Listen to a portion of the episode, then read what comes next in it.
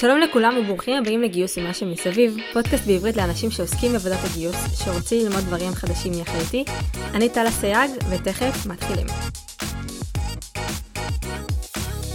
הגיע הזמן שנדבר על איך מגייסים מנהלת חשבונות בהייטק, שזו המשרה הכי קשה לגיוס.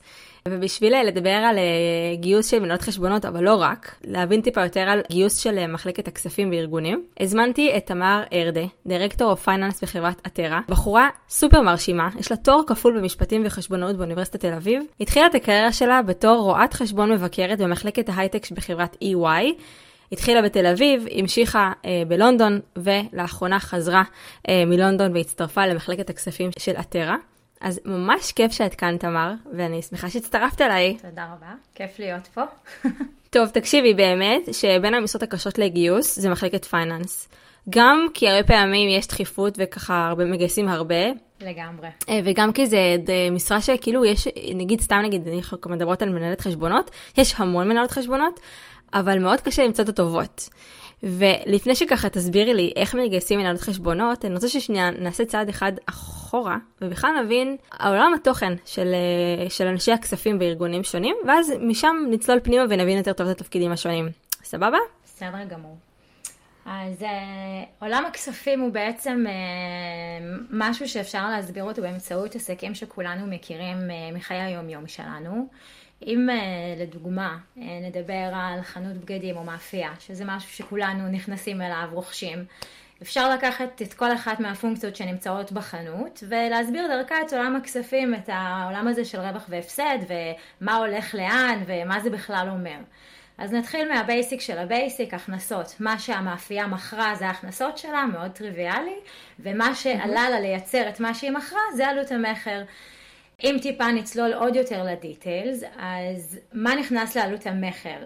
זה אומר הקמח, אה, השמרים, מה לגבי שכר עבודה, שכר העבודה של האופים. כל הדברים האלה זה דברים שבלעדיהם אין בעצם למאפייה מה למכור, ולכן הם יושבים בעלות המכר. ואחרי שהצגנו מה, מה המאפייה מכרה וכמה עלה לה לייצר את מה שהיא מכרה, הגענו לרווח הגולמי, שזה מושג שככה חוזר על עצמו לא מעט בשיחות של אנשי כספים. אז רגע, אז בעצם אה, כל התשתית של אנשי הכספים אם אני מבינה אותך נכון, מתבססת בעצם על רווח והפסד. אם הבנו את, את עלות המכר, איך את מקבילה את זה נגיד לחברות הייטק בתעשייה? זה לא שהתשתית של אנשי כספים מתבססת על רווח והפסד. בסוף התפקיד של אנשי הכספים, אחד, אחד התפקידים שלהם, זה לדווח על התוצאות של החברה. אז אם זו חברת הייטק, וננסה להקביל את זה למאפייה, אז לצורך העניין, אם זו חברה שמוכרת חומרה, נשאר בעולם ה... המוחשי שאפשר עדיין לתפוס, אבל זה תקף כמובן גם לתוכנה. אז כל מכירות החומרה סלש תוכנה זה בעצם שורת ההכנסות, ושום דבר אחר לא נכנס לשורה הזאת מלבד מכירות. ובעלות המכר, אז בעצם אם יש אה, ברזלים או תוכנות אה, שנכנסות לתוך התוכנה שלך, או תוכנות שמשולבות בתוך ה... בתוך החומרה שאתה מוכר, אבל הם לא ייצור שלך, אז כל הדברים האלה נזקפים לעלות המכר. עושה, עושה שכל. אוקיי, אז, אז בואי נמשיך. אז יש לנו את עלות המכר, מה עוד יש לנו בעצם? ואז בעצם, אחרי שהגענו לרווח הגולמי, שבעצם אומר לי, מה, מה ה basic? כמה, אם הייתי חנות קטנה או מוכר אה, אה, בלי כל האופרציה של חברה עסקית, אז בעצם בזה היה נגמר, נכון? היה לי את הרווח הגולמי, ושלום על ישראל, לוקחת את הרווח הזה והולכת הביתה וקונה איתו מה שאני רוצה. Mm-hmm. אבל חברה עסקית אה, שהיא כבר גדולה לא יכולה להתנהל ככה, זה לא עובד. אה, בטח חברת הייטק שלא מתחילה עם מוצר, אלא מתחילה עם מחלקת פיתוח, והיכולת שלה למכור היא קודם כל מושתתת על זה שאנשי הפיתוח עשו את המחקר ובדקו את ההיתכנות הטכנולוגית שלהם. אז כל האנשים האלה, אנשי הפיתוח, אנשי ה product, זה בעצם, אה, זה סוג הוצאות שיושב בהוצאות התפעוליות. אה, אז כמו שאמרתי, זה בעצם אנשי הפיתוח, אנשי ה product, זה בשלבים הראשונים של החברה, לפני שיש לה מוצר מוגמר.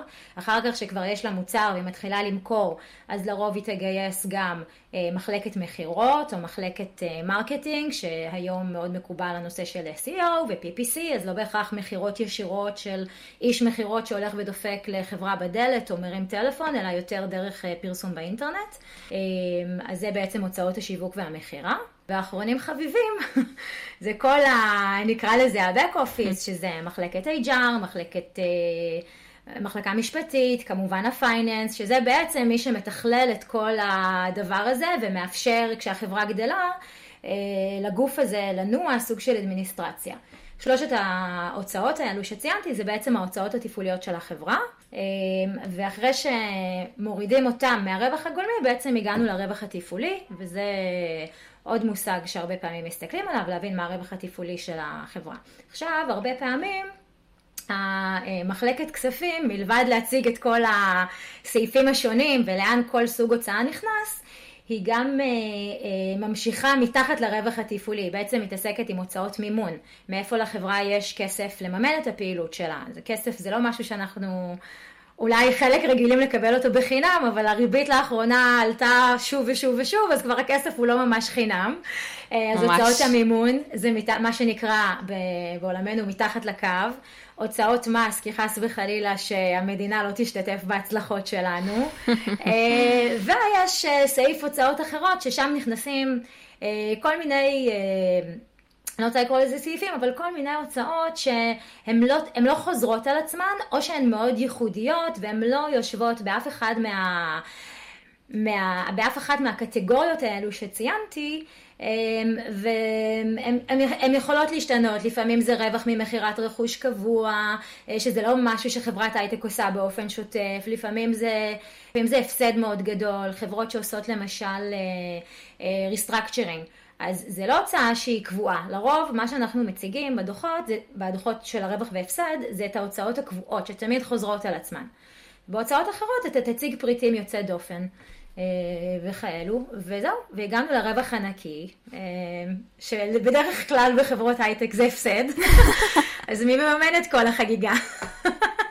לגמרי. אז באמת זו שאלה, נגיד איפה יושב כל המחלקת שאחראית על אה, גיוס ההון, כל מה שקשור לדיו ג'יליג'נס, או לחל... לחלקים שיש להם יותר אופרציה שהיא אסטרטגית בהקשר הפיננסי של החברה.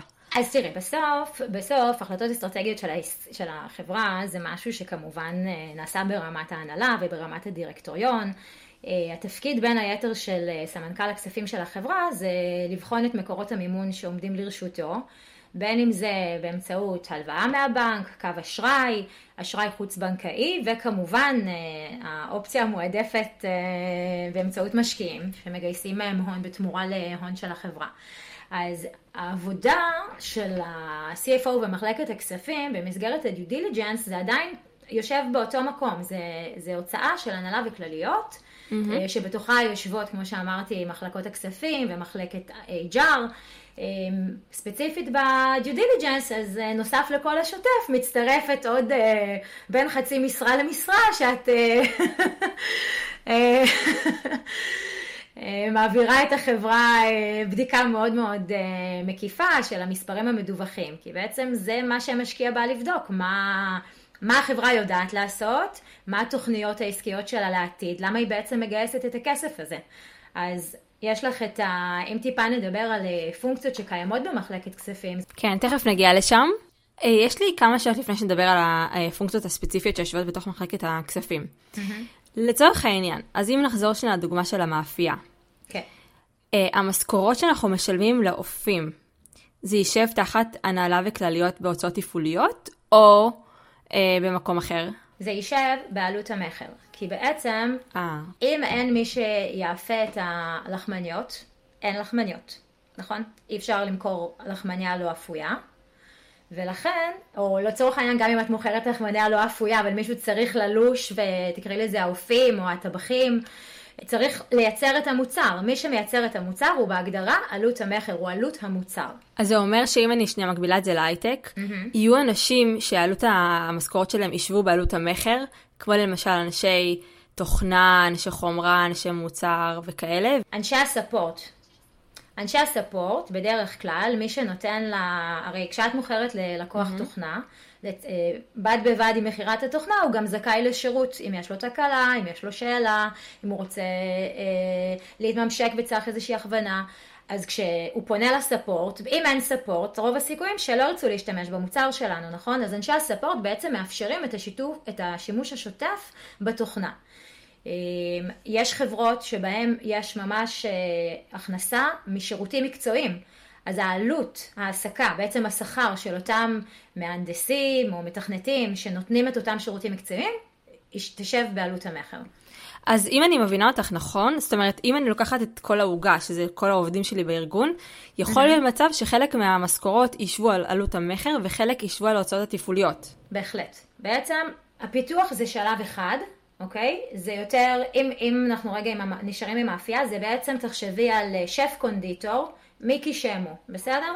הוא עכשיו בנה או רקח מתכון חדש לעוגת שמרים. המתכון המרשם, הקוד לצורך העניין, זה בעצם מחלקת הפיתוח. הוא לא מוכר את המתכון, הוא מוכר את העוגה בקונדיטוריות שלו. Mm-hmm.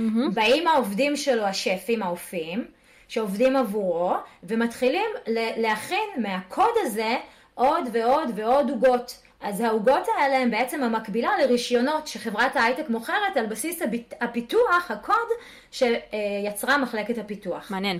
ובעצם מנהלת החשבונות, כשהיא עובדת מול התוכנות שלה, שתכף אבין מה כן. היא עושה בדיוק, היא יודעת לחלק את העובדים ברמת מסד הנתונים, מי מהם אה, משוייך לאיזה חלק בשורת רווח והפסד, כלומר מי נכנס תחת הרווח הגולמי ומי נכנס תחת ההוצאות התפעוליות? בהחלט, היא, היא חייבת לדעת, אחרת היא לא, היא לא תרשום את הדברים בצורה נכונה. בעצם מה זה לרשום את הדברים? חשבונאות זו שפה. הרבה אנשים חושבים שהנהלת חשבונות וראיית חשבון זה המון מספרים. יש בזה גם מספרים. אבל בסוף זה איזושהי שפה שבאה להסביר לאנשים מה העסק הזה יודע אה, לעשות מבחינה פיננסית. זה לקחת את הפעולות שקרו בעולם האמיתי, אה, מהנדס קיבל משכורת. אה, מגייסת קיבלה משכורת, המנכ"ל קיבל משכורת, קנינו קפה למשרד, קנינו תוכנת תוכנה שמשמשת את החבר'ה של השיווק, קנינו תוכנה שמשמשת את החבר'ה, את החבר'ה של ה-customer success. מה זה? מה זה אומר בעצם במונחים אה, עסקיים, במונחים של המודל, של ההוצאות שרצית לעשות ומה עשית בפועל, ואז המנהלת חשבונות בעצם כשהיא למשל קולטת עובד חדש, זאת תהיה, מנה, אה, זאת אומרת, החשבת שכר, לא המנהלת חשבונות. היא צריכה לדעת באיזה מחלקה הוא יושב, ואז היא משייכת לו את המחלקה, וכשהיא מושכת לספרים את השכר, של אותה מחלקה, זה משוייך אוטומטית לסעיף בדוחות שאליו זה רלוונטי. בספרים, בדוחות, זה היינו הך. איזה כיף לי שאני לא במחלקת כספים. אני כל כך לא מתאים לי להיות במחלקת כספים. איך את עושה את זה? זה כיף לך? אני אגלה לך את הסוד הכי לא סודי בעולם. כל אנשי הכספים היו שמחים לא להיות במחלקת כספים, ללא יוצא מן הכלל. לא מבינה את זה. למעט מנהלות החשבונות. הן היחידות שבאמת אוהבות את העבודה שלהן בצורה שמעוררת קינה. אי אפשר, אי אפשר לעשות את המקצוע הזה בלי לאהוב את זה. וואי, ממש, ממש, ולרדוף אחרי אנשים שהם עלו, אין, אין, סיוט, אני כל כך שמחה שזה לא המקצוע שלי, אבל בשביל זה באנו ללמוד, כדי שנוכל לגייס אותם בצורה שהיא טובה, אה, ושנגייס את אלה שאוהבים כן. את המקצוע שלהם. אה, טוב, אז בואי, בואי שנייה נבין, אה, קודם כל, אז אנחנו מבינות שכל מחלקת הפייננס יושבת תחת ההוצאות התפעוליות. נכון. עכשיו, איזה פונקציות יש בארגון אה, סטנדרטי? בואי לא נלך על הדברים המורכבים בהתחלה, בואי נלך על הדברים היותר פשוטים. איזה פונקציות חייבות והכרחיות כדי לנהל עסק? אז הבסיס של הבסיס, זו אותה מנהלת חשבונות נכבדה, שעליה הכל קם ונופל. בעצם היא, אם תרצי, האנבלרית של כל עבודת הכספים שנעשית אה, לאחר מכן. כל הפונקציות הנוספות מתווספות על גבי העבודה שלה. למה? כי אם אה, אני אזכיר, אמרנו שחשבונאות זו שפה. בעצם מנהלת החשבונות היא המתורגמנית לצורך העניין, שיודעת לקחת חשבונית ספק, להכניס אותה למערכת ומשם החשב, מנהל הכספים, ה director of finance, הכלכלן, מוציאים דוחות ומתחילים אה, לעשות ניתוחים, לקבל החלטות, לייעץ אה, עצות, אה, לבדוק דברים. אז בלי שהכניס את החומר למערכת, שזה שלב א', אין, אה, אין, אין לי מה לעבוד. כלומר, ברור שאתה יכול לשבת עם אקסל ו, ולהוציא את מה שילמת בבנק ולעשות את זה בצורה מאוד uh, ידנית, אבל ברגע שהעסק כבר תופס תאוצה, הוא כבר עסק לכל דבר ועניין, ולא שני חבר'ה בגראז', אז אתה רוצה לקבל דיווחים מסודרים, מה ההוצאות שלך, מה ההכנסות שלך, כמה שילמת לכל אחד מה, מהסוגי ההוצאות השונים. ובעצם זאת אותה מנהלת חשבונות, היא מכניסה את המידע, ואנחנו מתחילים ללעוס אותו וללעוס אותו ולנתח אותו, וכשאני אומרת אנחנו, זה שוב, זה כמובן פונקציה של גודל החברה, זה יכול להגיע, תמיד יהיה, כלומר כשהחברה כבר מצריכה את זה בשלבים הראשוניים, אין צורך כזה מלבד המנהלת חשבונות, אה, למעט אם יש גיוס או דברים מאוד מורכבים, אה, אבל בדרך כלל יגיע איש כספים, בהתאם לגודל החברה ולרמת המורכבות, או שיגייסו חשב, או שיגייסו VP Finance או CFO, כלומר זה מאוד משתנה מחברה לחברה, ובהתאם לאני מאמין שלו, ובהתאם לגודל החברה ולצרכים של המחלקה, הוא יגייס תחתיו עוד פונקציות שמטפלות באותו בסיס, מה שקראת, כלומר ממש בלי זה אי אפשר להתקדם, אותם אנשי אה, כספים, אה, שהם בגדול זה רואי חשבון ומנהלי חשבונות, לפעמים גם כלכלנים, והם חולשים על כל, ה... על כל הפונקציות שלימים התפתחו להיות מחלקות בפני עצמן בחברות שהן חברות כבר אה, או מאוד גדולות או נסחרות כמובן. אז החלק של הנהלת החשבונות זה החלק שבלעדיו אי אפשר להתקדם. בחברות הקטנות לרוב גם לא מגייסים את זה פנימה בשלב ראשון, אלא מתחילים עם איזושהי חברה חיצונית שמספקת שירותי הנהלת חשבונות, ופתאום שכבר זה שואלים שאלות ולא תמיד מקבלים בדיוק את התשובה והיא לא ממש ב details ואתה רוצה מישהו להתייעץ איתו על בסיס יותר יומיומי ומישהו שיכול לחשוב יחד איתך יותר לעומק אז או שאתה תמשיך עם outsource ותיקח גם אה, CFO ב outsource או שתגיד, אוקיי, הגענו לרגע שאני רוצה להכניס פנימה את פונקציית הכספים, ואז אתה תתחיל אה, לגייס את המחלקה הזאת. אוקיי, אז אם אני, אם אני בעצם מבינה אותך, המחלקת כספים מורכבת בעצם מכמה רבדים. יש את הרבד הראשון שאחראי על הדיווחים. של ביצועי החברה ברמת ההכנסות הוצאות, שזה אמרנו הנהלת חשבונות וחשבות, שזה רואי חשבון, אה, כלכלנים, נכון? וחשבת השכר. כן, זה על זה, הוא אחראי כמובן על, זה דיווחים לא רק אה, מבחינת הוצאות החברה, יש דיווחים שהם מנדטוריים על פי חוק, אז הגשת דוחות למס הכנסה, דיווחי מע"מ. מס הכנסה ניכויים וכהנה וכהנה, זה דברים ששוב, אתה יכול להסתדר עם מנהלת חשבונות חיצונית ולעשות את זה באמצעותה, אבל זה דברים שחייבים לקרות בין אם יש מחלקת כספים פנימית ובין אם לא. זאת אומרת, זה אפילו ברמת החוק. אוקיי, okay, ואז מעל, כן. מעל השכבה הזאת, שזו השכבה הבסיסית ביותר של החברה, התחלת מקודם להגיד טיפה על אה, לבנות אה, תוכניות ותחזיות, אז בואי נדבר שנייה על תפקיד הכלכלנים או, או בביטוי המקצועי שלהם, של ה-FP&A. נכון, אז בעצם בדרך כלל בחברות הקטנות, אותם אה, רואי חשבון שבדרך כלל עושים תואר, רואי חשבון בדרך כלל יש להם תואר נוסף, כלומר תמיד יש תואר נוסף. אה, ולרוב זה משולב עם כלכלה, כי זה תחומים מאוד משלימים. ואז אה, אותם אה, עובדים שמגיעים למחלקת הכספים, בונים איזשהו תקציב שנתי. או תוכנית עסקית, שזה בעצם היינו הך. התוכנית העסקית היא כמובן מה החברה רוצה להשיג כלפי חוץ, להגיד אוקיי, אני הולך לפתח עכשיו שלושה מוצרים חדשים, ואני הולך לצאת עם המוצר בצרפתית, לדוגמה, והתקציב זה איך התוכנית הזאת, מאיפה המקורות שלה, ומה היא אמורה להכניס לי לחברה. כלומר, האם אני כרגע עדיין רק שורף כסף, וכל הכסף שלי מושקע בפיתוח ואני עוד לא מוכר אף אחד מהמוצרים האלה, או שאני, יש לי שילוב בין כסף שגייסתי ואני יכול להשתמש בו, לבין אה, אה, הכנסות שנותנות לי עוד איזשהו תזרים מזומנים שנכנס למקורות המימון שלי, ו, ו, ורצים עם זה. ואז החברה גדלה עוד קצת, והדיווחים, אה, הכמות שלהם הולכת וגוברת, נעשית ברמה חודשית, וצריך לעדכן את התקציב ואת התחזיות ואת התוצאות ברמה בין יומית לשבועית לחודשית, זה משתנה כמובן מחברה לחברה, ואז אוקיי, אתה אומר, אם הוא כל היום מתעסק בלעדכן את התקציב, הוא לא יוכל להתעסק בדיווחים ובהנהלת החשבונות. אז מגייסים תקציבאי, FP&A, מישהו שהחוזקות שה, שלו, המומחיות שלו זה בעצם גם לבנות מודל עסקי, גם לבנות אה, אה, תחזיות, לבצע את המעקב, אם עכשיו צריך לעשות איזשהו שינוי, לא כל פעם שעושים שינוי זה בהכרח גרסה חדשה של התקציב, אבל נניח שהחליטו לגייס משרה מסוימת. ניסו, ניסו, ניסו, יש משרות שלא רק הנהלת חשבונות, אבל בעיקר. מנסים לגייס, רואים שזה לא הולך, לדוגמה אני אתן לך אה, ממחלקת פיתוח, אחד התפקידים שלפחות אצלנו היה מאוד קשה לגייס, זה היה את ה-DevOps.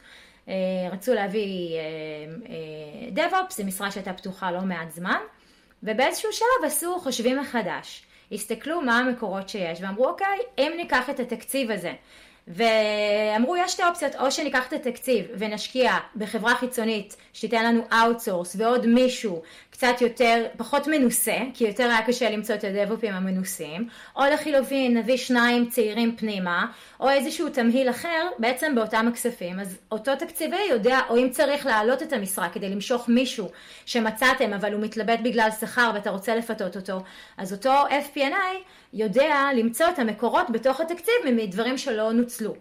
ואז למשל המגייסות יגיעו ויגידו מה עושים, אנחנו חייבים להחתים אותו, מה עושים? אז הם יפנו למנהל המגייס ומנהל המגייס אני מטפל בזה עליי, ואז הוא רץ ל-VP, וה-VP אומר עליי, ואז הוא רץ ל-CFO, וה-CFO ילך ל-FP&I, ובסוף מוצאים מאיפשהו את הכספים, ואומרים יאללה תוציאו לו הצעה, תביאו אותו היום. אז אה, זה כמובן לא רק אה, בנושא של משכורות, אבל אני חושבת שלמאזינים שלך זה... יהיה משהו מאוד מוכר. כן, לגמרי, לגמרי. מוכר לכולנו. מאיפה מגרדים עוד 5,000 אה, שקל? כן. כן, לגמרי. אוקיי, סבבה. אז יש את השכבה הזאת, אז אמרנו, יש שכבה של הדיווחים, של הביצועים של החברה. שכבה מעל, שכבת התכנון, אסטרטגיה, תחזיות ומעקב אחר הביצוע. איזה עוד שכבות יש לנו? זה לא בדיוק שכבות רק, אמ, זה יותר, הייתי קוראת לזה רגליים, של אה, בסוף זה הכל אה, מתכנס לאותו הדבר, אומרת שזה הביצועים הכספיים של החברה mm-hmm. או התוצאות שלה. Mm-hmm. Okay. בנוסף ל-FP&A אז יש לנו עוד שתי מחלקות שמגיעות בשלבים הרבה יותר מתקדמים, שזה מחלקת Treasury, שבעצם אחראית באופן בלעדי על כל הנושא של ניהול ההון. וה, והתשלומים והכספים, כלומר תחשבי על החברה שגייסה עכשיו 100 מיליון דולר בסיבוב השקעה. Mm-hmm. היא לא צריכה את כל המאה מיליון דולר בשנה שבה היא גייסה, נכון? הרי אתה מגייס כזה סכום בשביל כמה שנים נכון, טובות, בדרך נכון. כלל. אמ, ואז... היום סוף סוף כשיש אה, סביבת ריבית שהיא לא אפסית, אז אתה רוצה לשמור על ערך הכסף שלך, לא סתם שישב בבנק. אז האופציה שלך היא או לסגור אותו בפקדונות, או אה, להשקיע אותו בניירות ערך, או כמובן גם וגם. ובעצם כפונקציה של גודל והיקף העבודה הנדרש והיקף הניהול הנדרש, בחברות המאוד גדולות, כמובן בחברות נסחרות, אבל גם בחברות אחרות, יש את מחלקת ה-Treasury, בעצם האוצר של, ה, של החברה, ולרוב הם גם לוקחים תחתם את כל הנושא של התשלומים לספקים, ואת הגבייה מלקוחות, ותחתיהם ישבו, ואז מתחיל להיות קצת איזשהו עירוב, נקרא לזה, בין ה... אה, אם, אם התחלנו בבסיס של הבסיס, שיש את הרגל המרכזית, שזה הנהלת החשבונות, אז יהיה לך מנהלת חשבונות לקוחות ומנהלת חשבונות ספקים שהמנהל שלהם הוא ה-treasurer, כלומר זה מי שאחראי על, ה, על, על כספי החברה, על האוצר של החברה. למרות שבסוף זה פעילות שהיא שוטפת. אה, תשלומים לספקים וגבייה מלקוחות. הבנתי, אוקיי. ותגידי, וכל מה שקשור לניהול ההון, אז נגיד אה, כל מה שקשור לקומפליינס ועמידה ברגולציות כן. כאלה ואחרות אה, של מיסים, זה גם יושב תחת אותו אוצר במרכאות? לא. אז ה-tax and compliance זה בעצם הרגל הרביעית, אם תרצי. הייתי אומרת שבאמת יש ארבע רגליים מרכזיות, כמובן שאפשר לפרוט את זה עוד, אבל זו על הרגל הרביעית, שגם מתחילה באותה מחלקת הנהלת חשבונות ראשונית אה, קטנה שמתחילה כשהחברה מתחילה לצמוח. וכשחברה כבר, אה, ומבחינת מיסוי, אז יש לך פה שני רבדים. יש לך אה, את כל הדברים כמובן שהם מנדטוריים, שאת חייבת, ואת לא יכולה שלא לעשות אותם. זה הדיווחים למס הכנסה, זה לשלם את המע"מ. אז את זה עושה מנהלת החשבונות. מחלקת מיסים בחברה לרוב מתעסקת בסוגיות הרבה יותר מורכבות אם את רוצה לעשות תכנון מס, אוקיי? לחסוך את הוצאות המיסים של החברה, את כבר מביאה אה, רואה חשבון או עורך דין שהוא, אה, ההתמחות שלו היא במיסוי, ואז הוא יודע לעשות לך אה, תכנוני מס ולעשות מבנה אה, של חברות שעוזר לך לפעמים לחסוך את המיסים. אה, לפעמים יש סוגיות שלא תמיד יודעים איך אה, לטפל בהן, ואז בעצם מחלקת המיסים אה, עוזרת עם זה. בייחוד בחברות שלא מרוויחות, כלומר הרבה פעמים אפשר לבקש החזרי מס על על, על הפסדים. אז דווקא אז... בחברות שלא מרוויחות לא תהיה לך בדרך כלל מחלקת מס, כי הפסדים, מן הסתם הם, הפסדים זה סוג של נכס, זה נשמע קצת מצחיק. אבל בעצם כשרוכשים חברה עם הפסדים, אז, ונניח שרוכשת אותה חברה רווחית, אז הרבה פעמים, אם אתה בונה נכון את העסקה ומראה שזה בעצם אותו, תחום עסקי, אז אפשר להשתמש באותם הפסדים כמגן מס זה נקרא, ובעצם אתה מקטין את חמוס, חבות המס של הקבוצה. אבל עד שלא, עד שלא עולים על פסים של רווחיות, אז הנושא של מס הוא פחות, הוא פחות קריטי. מעניין. אבל שוב פעם, יכולות להיות סוגיות גם אחרות שקשורות דווקא בנושאים של מיסוי בינלאומי, כי בעצם אם, אם תחשבי על מרבית חברות ההייטק, אז לרובן יש חברה אם או חברה בת או חברה אחות במדינה אחרת, לא בהכרח בתחומי מדינת ישראל, שאז יחסית יותר פשוט, גם יש כל מיני חוקים, אבל, אבל בסוף יש ארנק אחד שקוראים לו משרד האוצר של מדינת ישראל, וכל עוד שהוא מקבל את הכסף, אז הוא, אז הוא ישן בשקט. אבל תארי לחברה שיש לה חברת בת בארצות הברית, שמוכרת בארצות הברית את המוצר של חברת האם, ומגיעה למחזור מכירות מאוד מאוד גבוה, ופתאום משרד האוצר של ארצות הברית, שהוא טיפ טיפה, ממש טיפ טיפה פחות נחמד ממשרד האוצר הישראלי, מגלה שמוכרים במיליוני דולרים ברחבי ארצות הברית, והוא לא מקבל אפילו סנט אחד. איך הוא מרגיש לדעתך? הוא מרגיש כמו אביה, שלא הזמינו אותו למסיבה, או שאף אחד לא... אה, הוא כאילו ממש אה, נעלב. ואז הוא דופק לחברה על הדלת, ואומר לה, שלום חברה יקרה, גם אני רוצה להשתתף בחגיגה, אני רוצה את המס שלי. במס הכנסה האמריקאי, ה-IRS.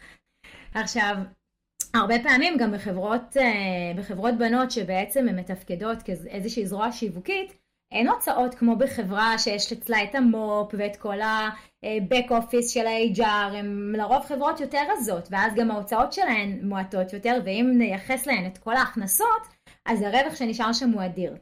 אז בעצם כאן יש לך אה, נושא של אה, transfer price, שבעצם אה, יש לך אנשים שמתמחים בלעשות studies, קובע מה שיעור הרווח שאותה חברה תשאיר אצלה בכיס, וממנו תשלם מס למדינה שבה היא פועלת. אחרון חביב זה אותו compliance, שזה ממש אחרון אחרון אחרון אני חושבת, אולי לא, אני לא יודעת אם יש באמת סדר לדברים, אבל שוב, זה משהו שאתה עושה מרגע שאתה נכנס כמחלקת פייננס קטנה, זה לוודא שהבקרות הפנימיות של החברה, בעצם ההתנהלות שלה, היא תקינה, שיש לך בקרות שמונעות דברים כמו fraud, אה, טעויות אפילו, הונאות, מעילות, אתה בעצם לדוגמה תשלומים. איך אתה מונע מתשלום אה, למישהו שלא אמור לקבל ממך כסף? אתה, איך אתה מונע את זה? זה משהו שיושב תחת האחריות של מחלקת הכספים, וכשהחברה גדלה ורוצה להנפיק למשל, ממש כבר יש פונקציה של compliance שאחראית לבדוק את כל הנושא הזה, וזו בדיקה שנעשית כל שנה, והיא מחויבת לדווח למשקיעים שלה שהבקרות הפנימיות שלה הן, אה, הן תקינות. אוקיי, okay, תמר, אחרי שעלינו כל כך כל כך גבוה, שנות אור מעולם התוכן כן. של גיוס, בואי ננחת בחזרה ונדבר על איך מגייסים ומה מאפיין אה, אני לא אגיד בהכללה, אבל איזה סוג של תכונות או מבני skills אה, אה, כאלה ואחרים דרוש לכל אחד מאותם רגליים. אז בואו נתחיל מהשכבה, לא, אני לא יודעת למה אני אומרת איזה שכבה, אבל אולי נתחיל מהרגל המרכזית, שזה בעצם הנהלת חשבונות ורואי החשבון. אז אני חושבת ששתי התכונות הכי הכי הכי חשובות, כשחושבים על אה, איש כספים, לא משנה באיזו מהפונקציות, מדברת על הרגל הראשונה והבסיסית, זה אמינות. כלומר, בן אדם ישר, obviously, הוא מתעסק עם הכספים של החברה, יש לו גישה ויכולת אה, כמובן אה, לעשות איתם כל מיני דברים, גם כשהבקרות הן טובות. והדבר השני זה דיוק.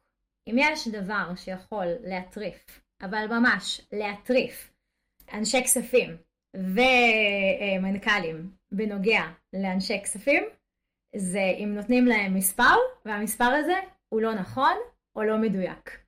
אז דיוק ואמינות זה האלף בית של כל מועמד. עכשיו זה נשמע אולי קצת טריוויאלי, אבל איכשהו נראה לי שאמת בפרסום זה לא, לא כזה big deal. זה נחמד, זה nice to have, אבל זה לא must have. מעבר לזה, חשוב, אה, לא פחות, זה בן אדם מסודר. בעצם העבודה בכספים היא עבודה, אפשר לומר די סיזיפית, ב-day to day שלה, די חוזרת על עצמה. כל חודש אתה מוציא את אותם הדוחות, משלם את אותן המשכורות, כמובן בשינויים כאלה ואחרים, אבל, אבל 90% זה, זה אותו הדבר. ואם אתה לא מסודר, אחרי זה מאוד מאוד קשה למצוא את הידיים והרגליים, מתחילות טעויות, מתחיל האי דיוק, אתה נותן מספר ופתאום המספר לא נכון, וזה כמו אפקט דומינו, כלומר מה שקורה ב... אולי זה קצת דומה לקוד, אבל בקוד מצפים לבאגים, בכספים תמיד מצפים שזה יהיה פלולס. ברגע שיש טעות במקום אחד, היא באח... בהגדרה רצה בעוד מקומות, כלומר כל תיקון בהכרח יוצר תיקון בעוד מקום. אז לפעמים זה מסתיים ב... בשני צעדים, ולפעמים זה, זה מתגלגל ומתגלגל ומתגלגל, ו... ויש חברות שכשלמשל הנהלת החשבונות היא לא טובה ולא מסודרת, אז לפעמים מגיעה מנהלת חשבונות טובה, ותשמעי מהן מכולן את אותו המשפט, נהיה לי חושך בעיניים. לא, לא, לא מצאתי את הידיים והרגליים. ויש כמובן איזשהו היגיון פנימי שמשותף אה, לחברות המסודרות, זה לא איזה משהו שכל פעם כל חברה ממציאה את הגלגל מחדש. זה עניין של היגיון, אוקיי? כלומר, רוצים שהדברים יהיו מסודרים בצורה הגיונית, ואז יותר קל למי שנכנס, הרי מנהלת חשבונות לא בהכרח נשארת לנצח, אז אם את עושה את הדברים בצורה שיחסית הגיונית, מי שתבוא אחרייך, אחרי כמה שבועות שהיא עובדת ולומדת את החברה, אז היא כבר מבינה את ההיגיון וממשיכה תחת אותו היגיון. אה, ומעבר לזה, אז העדפה אישית שלי זה שיהיו אה, בני אדם נחמדים, אה, אם אפשר גם מצחיקים, סתם, זה כבר לא קשור לכספים. אבל את יודעת, נאמר עלינו שאנחנו די אפורים, אה, אני מוחה כמובן, אני הרבה צבעים, אבל בטח לא אפור. תמר, תגידי, כשאנחנו עכשיו אה, מתבקשים אה, לגייס מנהלת חשבונות, לא סתם התחלתי שזה מסע הכי קשה לגיוס, אז תכף נדבר גם על נכון. כלכלנים ואירועי חשבון, אבל למה זה כל כך קשה? הרי החסם כניסה לתחום הנהלת החשבונות הוא לא מאוד גבוה. הרי יש המון אנשים. אולי כאלה יודעים יותר אנגלית, פחות אנגלית, אז, אז למה הנבדלות הזאת היא כל כך קריטית? כי תראי, זה מקצוע שעל אף שהוא ב... נקרא לזה תחתית הפירמידה מבחינת מחלקת הכספים, כלומר זו, זו הפונקציה הכי הכי אה, זוטרה לא חלילה בחשיבות אלא ב... בהיררכיה. זה פונקציה שנדרשת להמון ידע מקצועי, זה אחד. הן צריכות להכיר חוקים שקשורים באיך מוציאים חשבוניות ואיך לנקות לספקים, המון המון רגולציות ודברים כאלה ואחרים. בנוסף, כשאנחנו מדברים על עולם ההייטק, אנחנו דורשים שידעו אנגלית, נכון? כי אה, אם אה, למעלה מ-50% מהספקים שלי מדברים אנגלית, וחלק לא, לא מבוטל של העובדים דוברי אנגלית, ולרוב מנהלת החשבונות היא גם חשבת השכר בשלבים הראשוניים של, אה, של חברות, בהרבה מאוד מקרים. אז מגיע עובד וצריך לשאול שאלה על שכר והיא לא יודעת לענות לו, כי היא לא מדברת אנגלית. זה מאוד מסרבל. אז יש לנו אנגלית, יש לנו מישהי שצריכה להכיר הרבה מאוד uh, חוקים ותקנות, וצריכה להיות מסודרת וצריכה להיות אמינה, בוא נניח שזה יחסית החלק הקל, והיא גם צריכה להיות טובה, והיא גם צריכה להיות מנוסה, ועכשיו ניגע בחלק של הניסיון, שזה אה, אה, תכף יתחבר ללמה זה כל כך קשה. מנהלות חשבונות זה עם, אוקיי? זה, אה, וזה לא נאמר בעלבון, חלילה. אימא שלי מנהלת חשבונות. אני יודעת טוב מאוד מה זה מנהלת יפה, חשבונות. יפה, זה עם, כאילו, הם עם, הם, הכל חייב להיות מסודר, הכל חייב, כלומר, מנהלות החשבונות הטובות, הן, אה, הן יקיות. עכשיו, יותר מזה שהן יקיות, הן גם לא אוהבות להחליף מקום עבודה. הן אוהבות להיות במקום אחד, לאורך זמן, הן מכירות את הכל על בוריו, בדיוק לאן הלך כל דבר, שאלת, אמרת בתחילת השיחה, איזה מזל שאני לא במחלקת כספים, שאני צריכה לדעת איפה ולרדוף ולעשות. אני מעירה עכשיו את המנהלת חשבונות שלנו בלילה, שואלת אותה איזה מספר חשבון הולכת החשבונית של הספק, היא אומרת לי את המספר חשבון. עכשיו תחשבי שהיא צריכה להחליף מקום עבודה, ללמוד אה, אה, 100, 200, 500 חשבונות חדשים וספקים חדשים, בא לה למות. כן.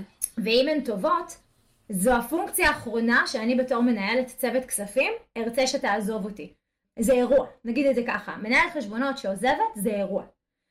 אז חברי את זה שלא רוצים שהן יעזבו, הן לא רוצות לעזוב, וכמות מנהלות החשבונות שדוברות אנגלית, עם ניסיון בהייטק ועם ניסיון בהנהלת חשבונות, הוא יחסית מועט, זה הופך את זה לכמעט בלתי אפשרי לגיוס.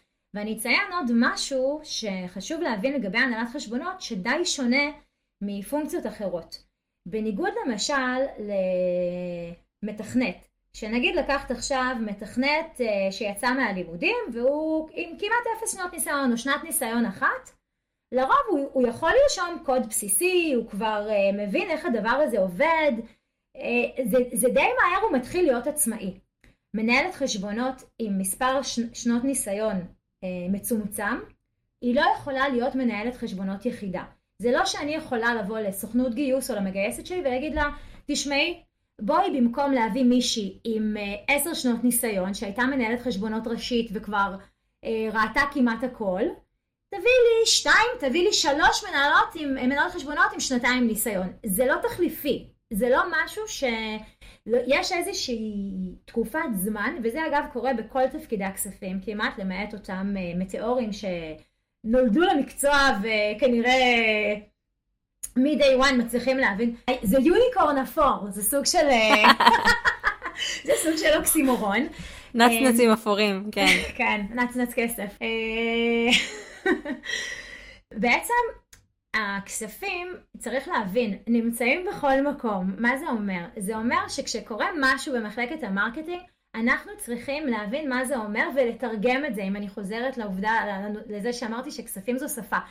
הם עשו כמה פעולות. קנו, אה, אה, זאת אומרת, שילמו על PPC, גייסו, influ, אה, שילמו ל influencer ושילמו משכורות ל... content writer ולמעצב ול-VP marketing, אוקיי? איפה הדברים האלה יושבים? כלומר, ה finance צריך mm-hmm. לקחת את זה אליו ולהבין. עכשיו, זו דוגמה יחסית פשוטה שהכל זה marketing. לפעמים יש דברים שהם לא תמיד מאוד ברורים אם הם עלות המכר או אם הם פיתוח, כמו בדוגמה של האופה למשל, ו- וכמו שציינתי, גם כל דבר משפיע על דבר אחר. הכל זה מין אפקטי דומינו שכאלה. נגעת במקום אחד, זה, זה משפיע לך במקום האחר. זאת אומרת שאתה צריך לראות איזושהי תמונה כוללת כדי להבין את המערכת. וזה משהו שרק זמן וניסיון יכול לתת לך את זה. ולכן כשאתה מחפש פונקציה מנוסה, אתה לא יכול להאיץ את ההכשרה שלה. כן, ממש, אני, אני ממש מסכימה איתך, זה באמת לא פשוט. ובואי שנייה נגיד כמה מילים על ה-FP&A, על אותם כלכלנים שיושבים במחלקת האנשי אנליטיקה, או האנשים שגם אותם קשה לגייס. מה מאפיין אותם? מה הם בעיקר עושים ביומיום שלהם? איזה סוג של יכולות הם מתבקשים לעשות ביומיום? מה זה בעצם FP&A? בואו נתחיל מזה. FP&A זה Forecast Planning and Analysis. אם אה, לא בהכרח לפי הסדר הזה, נתחיל מה-P, מה-Planning, אוקיי? אנחנו מתחילים שנת כספים חדשה, הכספים עובדים לפי תקופות. אנחנו רוצים לצאת עם תוכנית עסקית, plan, שבה אנחנו מגדירים יעדים למחלקת הפיתוח, מגדירים יעדים למחלקת המכירות marketing, אה, אה, וכמובן למחלקות התומכות יעדים שיתמכו בביצועים של שתי המחלקות האלה שביחד מניעות קדימה את העגלה, או אם תרצי מביאות את הכסף, אוקיי? לחברה. ובעצם אותו כלכלן, אותו FP&A, אמון על לקיחת התוכנית העסקית שמותווית על ידי ההנהלה, ולפרוט אותה למספרים. Mm-hmm. מה זה אומר? זה אומר שיגיע למשל ראש מחלקת ה product וראש מחלקת ה-R&D ויגידו אוקיי אנחנו השנה הולכים לצאת עם שלושה מוצרים חדשים ולצורך כך אני צריך שלושה product manager, אחד לכל מוצר חדש ועוד שלושה מפתחים לכל אחד מהסקודים שיעבדו על המוצרים האלה. אוקיי? זה אומר סך הכל תשעה ראשים ב-R&D ועוד שלושה ראשים ב product, והוא מגיש תוכנית פעולה ובקשה תקציבית ל-FP&A, לתקציבאי, אוקיי? אותו דבר עושה האחראי על ה marketing, אני צריך PPC בכמות כזאת כדי להביא כמות כזאת של לידים. אני צריך כמות כזאת של אינפלואנסרים כדי לייצר באז ולהעלות את ה-SEO וכו' וכו' וכו'. זה אומר שאני צריך לגייס שני מנהלים שינהלו את ה-SEO ועוד כאלה שינהלו campaigning של PPC. To make a long story short, כל מחלקה מגיעה ומגישה ל-FP&A את הדרישות שלה כדי להוציא לפועל את אותה תוכנית עסקית שההנהלה ביקשה. עכשיו הם תמיד מתחילים, זה נקרא תקציב החלומות. ניקח את זה רגע למשהו קצת יותר כיפי, אז אה, ה-HR שתחתן יושבת, אה, כמובן אה, יושב נושא הרווחה, תמיד מגישות בדיוני תקציב, מלבד כמובן מבנה הכוח, הם יגידו, טוב, אז אנחנו רוצים חופשת פסח בפריז לכל החברה עם בני הזוג, יום מסאז'ים פעם ברבעון, ואז כולם אוספים, מגיעים לתקציב שחורג פי שלוש ממה שהתוו מבחינת המסגרת התקציבית, ומתחילים לחתוך בבשר החי. אז בעצם אחרי שריכזנו את תקציב החלומות, החלום הרטוב של כל אחד ממנהלי המחלקות, מתחילים להתכנס. אומרים לחמוד מה product, תגיד, אה, CPO יקר, אה, אתה באמת צריך שלושה מנהלי מוצר בשביל שלושת המוצרים האלה? השניים, שניים מתוך השלושה אי אפשר לקחת להם מנהל מוצר אה, אחד, כי בעצם הם מאוד חופפים והם מדברים אחד עם השני? טוב, בסדר, אבל תני לי עוד קצת בתוכנה, או כלומר... תן קצת, תשחרר קצת. כלומר, מתחיל לזה משא ומתן, ממש משא ומתן. עכשיו, בואי נדבר בעצם עכשיו שהבנו מה הוא עושה בחלק של ה planning, מה הוא עושה בעצם, מה הוא צריך, איזה כישורים נקרא להם יותר soft skills, שזה משהו שיותר בוחנים אנשי ה-HR. בעצם אתה רוצה מישהו שנתפס בקרב אותם חברי הנהלה שבסוף ישבו איתו על התקציב, כ business partner, לא כאויב. וסליחה על המילה קצת טעונה, אבל הרבה פעמים, במיוחד רואי חשבון, אבל גם הפונקציות האחרות בכספים, נתפסות בתור השוטר הרע, בתור אלה שתמיד מנסים לטרפד.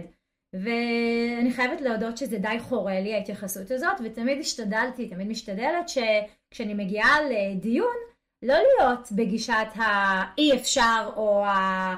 להוריד, אלא בואו ננסה למצוא את הפתרון. אותו דבר אני מצפה מאותו FP&A שכשהוא מגיע לדיון, הוא לא יבוא ממקום של בא לי לחתוך אז בוא נחתוך לך רנדומלית, אלא באמת להבין את הצורך, להיות בן אדם ש, שרואה שוב את התמונה הכוללת, ולהבין שאם הוא עכשיו מוריד לו אה, product, או נניח מוריד אה, אנשי פיתוח, בוא נדבר על אנשי פיתוח, מוריד אנשי פיתוח, אוקיי, אז ייקחו קצת מהמשאבים הקיימים, מאנשי הפיתוח הקיימים לטובת המוצרים החדשים, מה, מה המשמעות של זה?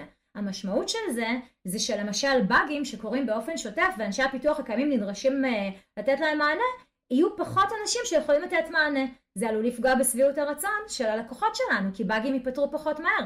פגיעה בשביעות הרצון של הלקוחות שלנו פוגעת בחבר'ה של ה-CS שפתאום מתחילים לקבל תלונות ולקוחות לא מרוצים. אז uh, כלומר, להבין מה המשמעות של החיתוך ולא לחתוך, וגם כמובן לעשות את זה בצורה שהיא... Uh, אמ, עניינית, רגישה, ולא שנתפסת, כמו שאמרתי, בתיאור הזה סתם לחתוך בצורה רנדומלית ולא אה, זה.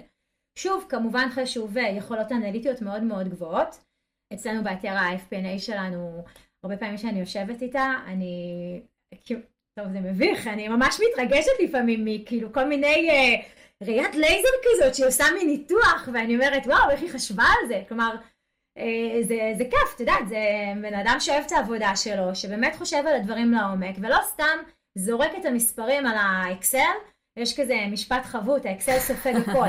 האקסל סופג הכל, גם אם עשית טעות בנוסחה, האקסל לא יגיד לך, האקסל תמיד כן. יחבק אותך, אבל בסוף... בסוף מישהו לא יחבק אותך. בסוף מישהו, כן, בדיוק, ואת ממש לא רוצה להיות שם. כן. אז uh, אני אומרת, צריך להיות בן אדם מדויק, מסודר, uh, עם יכולת אנליטית מאוד מאוד גבוהה. ובעיניים שלי, לא יודעת אם כולם יסכימו איתי, בעיניים שלי מישהו שגם באמת אוהב להבין את הדברים, את החיבור ביניהם, כי ככל שאתה יותר מבין את, ה... את הסינרגיה, התוכנית שלך יותר מהודקת כמובן, ו... תמיד יהיו טעויות, תמיד יהיו דברים לא מתוכננים כמובן. כן, אבל... גם לקחת אחריות על טעויות זה דבר חשוב. Uh, תגידי, תמר, uh, כן. יש איזשהו מקורות שבהם uh, אתם, האנשים האפורים, סתם, האנשים uh, שהם uh, יושבים במחלקת הכספים... הנצנצים הכסופים התכוונת. שאנשי הנצנצים הכסופים יושבים, יש לכם פורומים, קבוצות, כאילו אם עכשיו אני צריכה לצאת לחיפוש אקטיבי. יש איזה שהם מקורות שהם חוץ מלינקדין שאפשר לאתר או למצוא, או לא יודעת, יש לכם קבוצות וואטסאפ? אז כן, בהחלט. יש לך, אה, בדרך כלל אה, במשרדים הגדולים, זה, יש להם אה, פונקציית השמה. הם מאוד אוהבים לעשות השמה לבוגרים שלהם בלקוחות קיימים או עתידיים. מתוך רצון לשמר את הנאמנות למותג. אז למשל, אני בוגרת EY, בזמנו כשעזבתי, אני עברתי לחו"ל אז זה לא היה רלוונטי, אבל לפני, ש... לפני שזה הסתמן המעבר לחו"ל אז זה מאוד, אה, מאוד עזרו לי אה, ככה בלמצוא הזדמנויות בתוך, בתוך לקוחות קיימים שלהם, וזה מאוד מאוד מקובל, וכל הביג פור עושים את זה, זה לא איזה סוד כמוס. בנוסף יש לך כמובן פורומים, אה, נקרא לזה סמי חברתיים, את יודעת, בוגרי Y, פורום CFOs, כל מיני קבוצות ש, ש, שכל מיני אנשים פשוט הקימו ולאט לאט מצרפים אליהם עוד ועוד עוד ועוד אנשים, חבר מביא חבר כזה, בשיטת החבר מביא חבר, ואז הרבה פעמים שאנחנו מחפשים לגייס, אז אני שולחת בקבוצות שאני נמצאת, וחברים מהצוות שולחים בקבוצות שהם נמצאים, ואגב, לא, לא רק בקבוצות של, ה, של הרואי חשבון לצורך העניין, אם אני צריכה לגייס מנהלת חשבונות, אני כמובן אבקש מהמנהלות חשבונות הקיימות לחפש בקבוצות שלהן, או בחוגים שלהן, וגם כאילו מהרואי חשבון שאני מכירה, בקבוצות של הרואי חשבון, בקבוצות של הכלכלנים, כי בסוף את יודעת, זה, זה, זה עולם תוכן מאוד קרוב. עובדים ביחד, אתה מכיר אנשים, שומע מחברה קודמת, אני מחפש, אני רוצה. אז כן, אז בפירוש זה כן. מקור מאוד מאוד טוב ל... למקורות גיוס. אז, אז אם אני מבינה אותך, זה, זה פחות שמגייסת נמצאת בפורומים, אבל היא צריכה להפעיל את הפונקציות כבר הקיימות, שהם בעצם יכנסו את הזרועות שלהם לתוך הפורומים האלה וימצאו. אה, כן, לא היא לא, אין לה מה להיכנס לפורומים, כי רוב הזמן הדיונים שם הם באמת מקצועיים, ובעיקר שואלים שם שאלות מקצועיות, אבל אחת לכמה שבועות, שולחים הודעה אם מישהו מכיר, שולחים הודעה חברה חבר מחפש, ויש הרבה mm-hmm. שיתוף בתוך הקבוצות האלה. אבל אני חושבת שא' זה טוב שהיא יודעת, כי לפעמים אתה לא חושב על זה. כלומר, אני יודעת שכשאני התחלתי לגייס בראשית uh, הדרך, לא בכלל, לא יודעת, לא, לא עשיתי את החיבור שאני יכולה לשלוח בקבוצות ולשאול שם. לא יודעת למה, זה כל כך טריוויאלי בעיניי היום, אבל ואז יום אחד אה, מישהי אמרה לי, תגידי, אין לך איזה קבוצה של רואי חשבון? אמרתי, יש לי, אמרתי לי, נו אז תשלחי. עכשיו, ברגע שהמנהלת גיוס יודעת שזה המקורות שלה, בדיוק כמו לינקדין וסוכנויות השמה. לגמרי. היא תגיד את זה למנהל המגייס, זה אינטרס שלו בדיוק כמו שזה שלה, אז היא את שלה עשתה. אז בפירוש הייתי מציינת את זה. כן. אה, כל פעם מחדש, אה, better safe than sorry. מלבד זה, אה, יש גם, תראי, יש לך את המשרדי הנהלת חשבונות החיצוניים, ואת כל הלשכות המקצועיות, שמחזיקים בדרך כלל גם פונקציית השמה.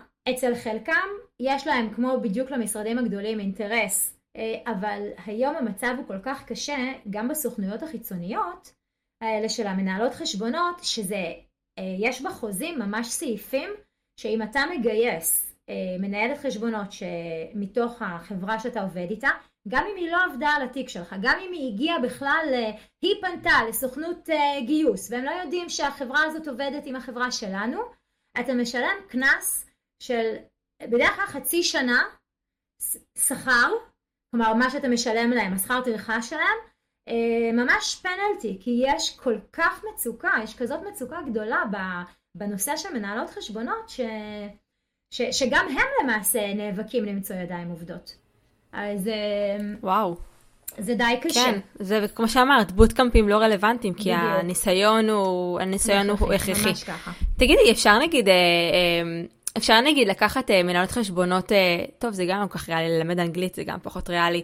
בקיצור, כן, לא פשוט, אז זה הרבה יצירתיות, הרבה לחפש דרך ה... אמנם אנגלית זה באמת, באמת משהו שקצת יותר מאתגר ללמד. אבל אני יכולה לומר לך שקודם כל אצלנו כן אה, הוצאנו חלק מהאנשים לקורסי אנגלית לחיזוק, בדיוק כמו ש... ששולחים אה, חשבות שכר לקורסי שכר השתלמויות כדי שהיא תישאר כל הזמן מעודכנת בתקנות ובשינויים. אז אם האנגלית היא ברמה מספיק טובה, גם, כלומר טובה שיש בסיס, לא עכשיו צריכה להיות אוקספורד, אז, אז בהחלט הייתי שוקלת את זה, אם זה מרגיש שזה כרגע פוגע באיכות, אבל עם כל היתר הוא טוב. ומלבד אנגלית, אז אני יכולה לומר לך שאצלנו גייסנו מנהלת משרד נוספת, וכשחיפשתי וראיינתי למשרה, היה לי מאוד חשוב מישהי שלא ראש קטן. עכשיו, לרוב המנהלות משרד הטובות, זה גם עוד משרה כזאת שנחשבת, אה, היא מאוד underrated, וזה לרוב בחורות מאוד איכותיות, שלא מצאו את הכיוון, אז הן עושות ניהול משרד שזה כזה הכל מהכל והן תקתקניות והן ראש גדול ואני נורא אוהבת את הבחורות האלה, כי קודם כל הם תמיד מספחים אותם ל finance, ונותנים להם כל מיני עבודות כאלה admin, והן בדרך כלל גם מאוד מסודרות, ואמרנו זה מאוד מאוד חשוב, ודייקניות, והתמזל מזלנו, וסיפחנו אותה כמובן אלינו, וכלומר היא מראש הייתה משויכת לצוות ה finance, כי אצלנו זה יושב תחת ה finance הניהול משרד, אבל uh, כל פעם נתנו לה, זרקנו לה עוד איזה משימה שקשורה להנהלת החשבונות. היא החזירה את המשימה, וכל מי שקיבל ממנה את התוצר, אמר, אה, וואו, היא מעולה. ואז אחת המנהלות חשבונות אצלנו אמרה, תקשיבו, כזו אני רוצה, תביאו לי אותה במנהלת חשבונות. ניגשנו אליה עם ה-HR, אמרנו לה, היי חמודה, אה, את אה, מאוד צעירה, בואי נחשוב קדימה, לאן את מתפתחת מכאן? מה דעתך על הנהלת חשבונות? איזה יופי. והיום היא התחילה קורס הנהלת חשבונות, היא עובדת עם המנהלות חשבונות. אני מרגישה כאילו זכינו בלוטו. מדהים. עכשיו, היא ממש מאושרת, כי היא כאילו... איזה כיף. מצא כיוון. בדיוק, מצא כיוון, וזה פשוט, אה, זה תענוג. אני אומרת, תפתחו את הראש, ברגע שיש לך מנהלת מנוסה, חזקה וטובה, ומישהי שהמנהלת חשבונות מזהה, אז פה כל מה שאמרתי לגבי את לא יכולה להביא מישהי בלי ניסיון, טיפה... אה, משתחרר, כי כבר יש איזשהו אמון ראשוני. יש איזשהו אמון, אתה יכול לעשות איזה אה, בדיקות, לא מיד לרוץ ולהציע את זה, אבל יש הרבה דברים שהם מאוד מאוד אדמיניסטרטיביים, ואתה יכול לבחון בצורה מאוד טובה, ודרך זה לקבל כבר אינדיקציה ליכולות של אותו בן אדם. אז בעצם המסר פה זה יצירתיות, הרבה פרואקטיביות בלהגיע לפורומים ולקבוצות הרלוונטיות דרך המחלקה הקיימת. Mm-hmm. לזהות יכולות וכישרונות כבר בתוך הארגון ולחשוב על הסבות או ניוד פנימי, אה, והרבה, והכשרות. כן, וזה זה בתוך הארגון אבל כן. באזורים של האופריישנס כן. והאדמין. יפה. טוב, בהחלט אה, אחד ל, אחד למיליון. אה, משהו אחרון לפני סיום שאת רוצה ככה להגיד שחשוב לך? כן, בטח. אה, אני קודם כל רוצה להודות לך, היה ממש כיף.